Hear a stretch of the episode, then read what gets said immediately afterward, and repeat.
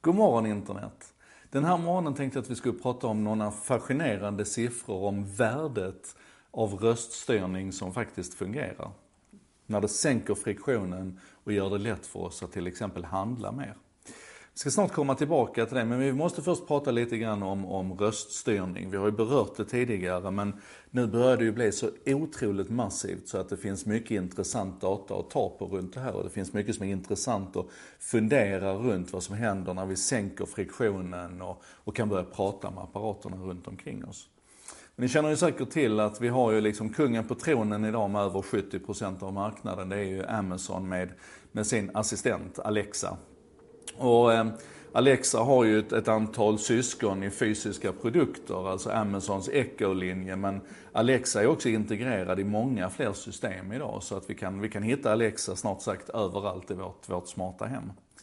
Ehm, konkurrenten, den starkaste konkurrenten är ju Google Home som med sin Google Assistant försöker eh, springa ikapp Alexa kan man säga lite grann. Och Google Home har vissa företräden. Den är till exempel, tycker jag, bättre på att, att hålla en konversation igång med mig. Att, att den liksom känner av sammanhanget och att en fråga kan leda till en annan och att, att, eh, att hon förstår det. Sen så har vi också Microsoft med Cortana och vi har Apple med Siri och ett antal andra mindre system. Men allting utom Amazon och, och Google Home är egentligen, eller Google Assistant är egentligen ointressant idag för att de är så dominanta.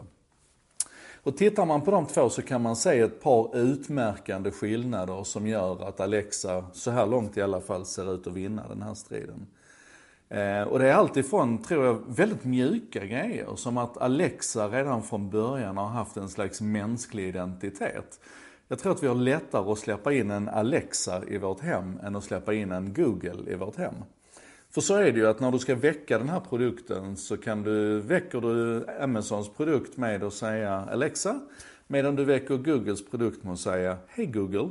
Och jag tror att redan där, i det liksom uppstartskedet, så finns det en känslomässig skillnad mellan de här.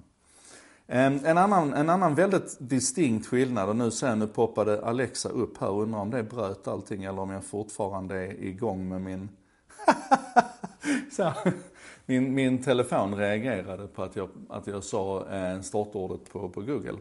Um, anyway, att jag tappar greppet. Jag har nämligen, jag har ju den här lilla displayen här och när den liksom försvinner och istället så dyker Google Assistant upp där, då blir man ju lite så fascinerad. Jo, en annan stor skillnad är naturligtvis att Alexa redan från början har varit väldigt öppen och, och tillåtet um, det man kallar för skills att utvecklas. Alltså att andra leverantörer kan, kan bygga in sin tjänst in i Alexa på ett väldigt, väldigt smidigt sätt. Och, och, mängden skills är ju, är ju snart lika stor som mängden appar i, i Apples App Store känns det som. Och det kommer nya grejer hela tiden och det är ett otroligt drag. Så det är en öppnare plattform. Och så där kan man hålla på och, och hitta skillnader och fördelar och nackdelar mellan dem. Men det jag studsade över nu här, det är att en, en organisation, en amerikansk organisation som heter Consumer Intelligence Research Partners, CIRP. De gör regelbundna undersökningar av amerikanska konsumenters beteende. hörs nästan på namnet. Och de har då bland annat ställt ett antal frågor till, till Amazon-kunder, till Amazon-kunder som har deras Prime-tjänst, som alltså är en abonnemangstjänst, och till Amazon Echo-kunder.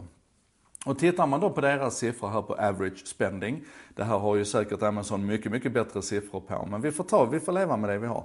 Om man tittar på deras genomsnittliga inköp ifrån Amazon, så en, en genomsnittlig amerikansk Amazon-kund handlar för 1000 dollar om året. En genomsnittlig Amazon-kund som har köpt deras Prime-erbjudande som bland annat ger dem gratis frakt och strömmande video och, en massa andra så här bokklubbsfinesser och, allt vad det är. Alltså ett, ett, fantastiskt paket. För, för eh, 99 dollar om året så, så får du Amazon Prime. De handlar för 1300 dollar i genomsnitt. Medan de kunder som har en Echo hemma och som alltså regelbundet interagerar med Alexa, de handlar för 1700 dollar. Så att från 1000 dollar för en vanlig kund till 1300 dollar för en Prime-kund till 1700 dollar för en Amazon Echo-kund. Och då har ju naturligtvis Echo-kunderna i regel också ett Prime-medlemskap och så. Men, men det som händer här är att, den, och det, det är det jag tror vi behöver fundera på just här och nu, att den här traditionella bilden av att, att eh, vad ska man säga, få en kund att handla mer och känna en nära relation till dig och sådär. Det har byggt på en slags inlåsningsfunktion som man kan säga att Amazon Prime är. Du, liksom, du bäddar in kunden i ett, ett prenumerationserbjudande som är lite svårt att ta sig loss ur och, och där du inte gärna skapar ett, ett du, du tar gärna inte ett, ett motsvarande erbjudande hos en konkurrent och sådär. Utan du bygger lojalitet genom ett fint erbjudande som Prime är och du liksom bygger in kunden. Men det vi ser här nu är att med, med, en produkt som, som sänker friktionen. Jag menar i Sverige förstår vi inte riktigt hur bra Alexa är i USA. För att där är det ju liksom otroligt enkelt att handla via Alexa till exempel. Men det du gör där det är att du sänker tröskeln och friktionen och på det viset så får du en mycket, mycket tätare relation med kunden. Du får kunden att handla mycket mer än vad den hade gjort annars. Och jag tror att vi behöver tänka om lite grann här, alltså där den traditionella bilden är att nej, men vi binder kunden till oss, så ser vi istället till att göra det så otroligt enkelt för kunden att den nästan utan att tänka på det bygger mer lojalitet, relation med oss för att vi är relevanta, enkla, allestädes närvarande. Det Här behöver vi fundera på och det kommer vi säkert göra mer framöver. Jag tyckte det var intressanta siffror, jag ville ni skulle höra dem. Um, och det ville Bredband2 också, vår partner i det här. Bredband2 vill också att vi ska höra det här, att vi ska fundera på de här sakerna, att vi ska diskutera mer vad digitaliseringen gör för oss. Bredband2 är en fantastisk partner för mig, jag är jätteglad att de är med på det här. Men ni, mina vänner, är också en fantastisk partner. Jag vill bara säga att missa nu inte att ni kan, ni kan följa en sak idag som podd också.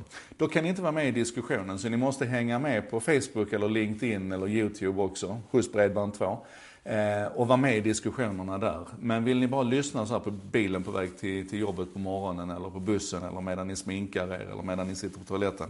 Så finns det som en podd också överallt där ni hittar era poddar. Tusen tack för att ni hänger med och igen, tack Bredband2. Och eh, idag var det måndag så att imorgon är det tisdag morgon och då ses vi igen med en ny En sak idag.